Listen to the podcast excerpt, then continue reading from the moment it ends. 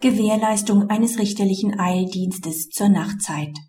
Das Oberlandesgericht Hamm hat eine ohne richterliche Anordnung durchgeführte Durchsuchung für rechtswidrig erklärt und ein Beweisverwertungsverbot angenommen, weil kein auch in der Nacht erreichbarer richterlicher Eildienst eingerichtet worden war.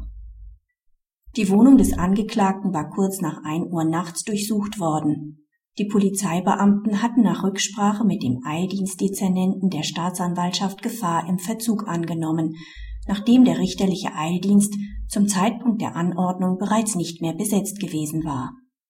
In der Revisionsinstanz erklärte das Oberlandesgericht Hamm die Durchsuchung für rechtswidrig. Es nahm außerdem ein Verwertungsverbot für die anlässlich der Durchsuchung sichergestellten Beweismittel an. Nach Ansicht des Revisionsgerichts lag hier ein Verstoß gegen den Richtervorbehalt bei Wohnungsdurchsuchungen vor. Die Justizbehörden hätten durch Einrichtung eines rund um die Uhr erreichbaren Bereitschaftsdienstes dafür Sorge tragen müssen, dass der Richtervorbehalt als Grundrechtssicherung auch praktisch wirksam werden kann.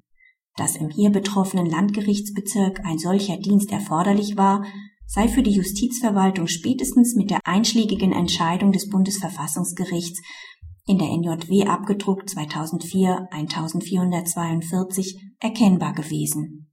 Praxishinweis.